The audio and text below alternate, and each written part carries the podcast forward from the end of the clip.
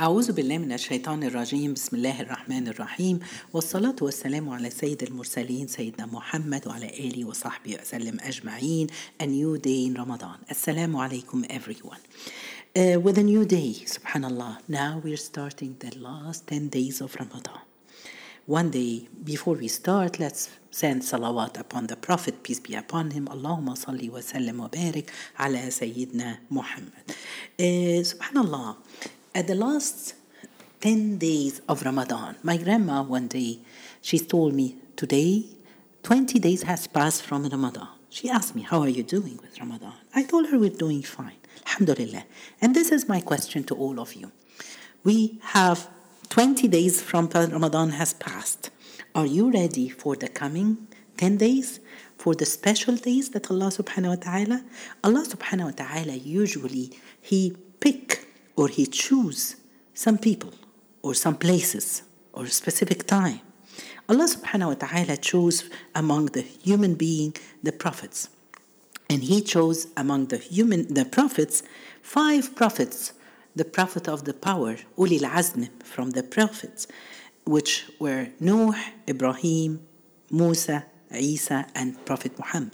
And he chose from those five Prophet Muhammad, peace be upon him. Subhanallah. And Allah subhanahu wa ta'ala called him Al Mustafa, which is the chosen one. Allah subhanahu wa ta'ala chose from all nations, the nation, the Muslim nations. Allah subhanahu wa ta'ala from those Muslim nations, He chose the people of the Quran. The people, the beloved one to Allah subhanahu wa ta'ala. Allah subhanahu wa ta'ala even He chose some times. He chose some days he chose the day which is uh, from the year, he chose Laylatul Qadr, one of the Layla, the night uh, of power, the night of forgiveness, the night of accepting the dua. So we are entering the last 10 days of Ramadan, and it has in it Laylatul Qadr. So we have to work hard to be chosen. Subhanallah, even Allah, will choose some people to be able to worship Him properly and to stand for that Layla, for that night. Are we ready, guys? This is a reminder for myself and for you. Allah subhanahu wa ta'ala can choose you and choose me for this. As far as we are preparing ourselves emotionally and taking action, doing the good deeds with a good intention to Allah, sincerely, we have we are sincere, we want Allah to choose us among those people. Uh, subhanallah, Allah, He knows what we have inside our heart. He always, when He chooses someone to reach that night, you have, must have good, some good things in your heart. So show Allah what you have. I told my grandma I have a lot of questions. Why did Allah named it as Laylatul Qadr or the night of power? Al Qadr here, which means the decree. It has two meanings.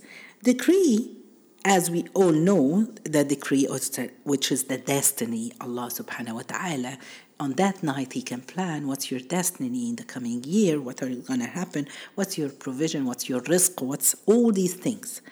And another explanation for Al-Qadr, which is it, ha- it has a high rank considered for Allah subhanahu wa ta'ala. It's a special night. That's why it's called Laylatul Qadr. Uh, subhanallah, let's read Surah Al Qadr together, which is uh, Surah number 97. Allah subhanahu wa ta'ala is saying, Truly, we have sent it, uh, the Quran, down in the, night, in the night of the decree. And what is this night of the decree? The night of the decree is better than 1,000 months of worship. In it, in that night, Angel and Jabril come down with their Lord's permission, with all good things of mercy and blessing. That night is peace from Allah until dawn. Allah subhanahu wa ta'ala here he's talk, talking specific things about that night. Allah subhanahu wa ta'ala he said that the Quran has been revealed on that night, on the Prophet peace be upon. So that night it has specific things related to the Quran. That's a night of light. It's a night of guidance. It's the night of cure. It's a night of mercy. Subhanallah, a guidance. So that's a night that we all have to seek and ask the forgiveness from Allah and the pardoning from Allah subhanahu wa ta'ala. What other special thing about that night? It, it's better than a thousand, one thousand nights, which is equivalent to 48 years of worshipping. The angels comes down on earth. It's a, a night of peace, as Allah described it, till the, from Isha till dawn. Subhanallah, when Allah subhanahu wa ta'ala described that the angels come down, Allah subhanahu wa ta'ala, what is your relationship with the angels? Do you have you ever thought that when you're praying and you finish your praying and you're sitting saying your tasbih, subhanallah, alhamdulillah, la ilaha Allahu Akbar, that the angel are sitting and making dua, asking forgiveness for you from Allah? Do you have this feeling sometimes? This is what we need to, to have especially those days, because that night the angels will be around you on earth. They can be in your home, they can be in your masjid, they can be walking the street while you're making dhikr and remembering Allah. They are surrounding you. Subhanallah. Allah described in Arabic tanazzalu, which means they come down. They, he didn't say in Arabic in another way. It's not clear in English with translation. They say tanzil. Tanazzalu, which means a lot a very big number, like when it's raining, a lot of drops come down, million maybe of angels come down. So the earth is crowded with angels. So let's imagine this. Imagine that are with you in your home, uh, subhanallah, in your room while you're praying. Subhanallah, one time, Prophet, after the death of the Prophet Muhammad, uh, he after the Prophet, peace be upon him, he died, Omar ibn al-Khattab and Abu Bakr as-Siddiq, they went to visit Umm Ayman. She was the maid, uh, uh, or she, one taking care of the Prophet, peace be upon her. She was helping him, Umm Ayman. So when they went, she was crying. So they told her, uh, why are you crying? You're missing the Prophet, peace be upon him. But you know that Allah subhanahu wa ta'ala saved the best for the Prophet. She told them, No, I'm not crying for this. I'm crying that Jibril no more he will come to earth. We will miss him. They used to not seeing Jibril, but they knew that he's coming every time the Quran was revealed. They know he's around them. They know that he's, subhanAllah, among them. So he, she was crying for this. And Umar and Abu Bakr, they cried. Have we ever thought of the angels around you? So Allah subhanahu wa ta'ala is telling in that night the angel will be around us. Um, subhanallah. Uh, it's a night of celebration of the Quran between the earth and heaven. It will be peaceful till dawn. Allah subhanahu wa ta'ala give us the chance. It's not just an hour or half an hour or a or a second. No, it's going to be five hours Five hours, subhanAllah. Who is ready among us? This is a question I have to ask myself and asking you. Let's prepare ourselves. We don't want to miss that night. This is an opportunity for us. Let's get this opportunity. What are the rewards of that night? There are four rewards. First thing that Allah said it's better than 1,000 months. He didn't say it's equivalent, it said better, even better. If it is equivalent, it means equivalent to 1,000 months, it's equivalent to 48 years. Imagine, it's a, it's a, we don't know if you're going to live till 84, but subhanAllah, so just by one night, you can get the reward, unbeliever, of worshiping. If you pray on that night, it's equivalent to 84 years praying. If you're just giving charity, it's equivalent to so a lot of good deeds, a lot of hasanat. So we have to, and Allah said, better than, even. So we cannot count how many good deeds we can get on that. Just imagine with me, guys, the balance on the day of judgment, or our balance, each one's balance. You have the good deeds and the bad deeds during the year we do some good deeds and we do some bad deeds so the balance is moving from one side to another and then it comes that night it can flip everything to the good deed side May Allah subhanahu wa ta'ala make us among those people who can reach that night. Another reward, it's that that night, it's the night of forgiveness. Whatever we have done before, Allah will erase it. He will forgive. The Prophet, peace be upon him, he said, whoever reach that night and work hard for it with a good belief and intention that he wants to please Allah subhanahu wa ta'ala, Allah will forgive every all the bad deeds before that he had spent. So Allah will erase all what we have. The third thing is Allah accept the dua on that day. So it's very important. As Aisha, the wife of the Prophet, peace be upon him, she asked him, if I reach that night, what should I say? He told her, say, Allahumma innaka afoon tuhibbul afwa fa'afu an. Oh Allah, you are the most uh, pardon. Please pardon me. Forgive me, Allah. So we have tons of prepare a lot of dua. So may Allah subhanahu wa ta'ala accept all our dua. The fourth thing that reward that we can get, we can be released from hellfire. Allah can choose you that night to be among those people. Erase his name from hellfire. He's not going to go to hell. She's not going to go to hellfire. Subhanallah. When you have a slave and you free him, you cannot go and get him again to make him as a slave. And subhanAllah, walillahi al-masal al-a'la, for Allah subhanahu wa ta'ala, the better example, that Allah said that he, that he will release you from hellfire. That's it. Inshallah, we're not going to be back to hellfire at all, or our names. So I asked my grandma, when is that night? She said that the Prophet, peace be upon him, he used to look for it.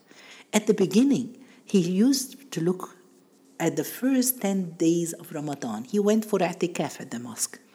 Jibril came down to him and he told him, Whatever you're looking for is not here. They didn't come yet. Then the next year, he made i'tikaf in the middle 10 days. So Jibril came down and he told him, Whatever you're looking for is not, didn't come yet.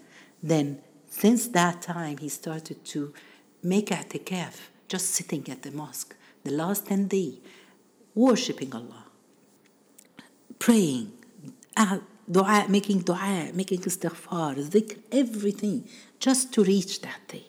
So they are in the last, the odd numbers, days, uh, the odd nights of the last 10 days. So it means the 21, 23, 25th, 27th, 29th.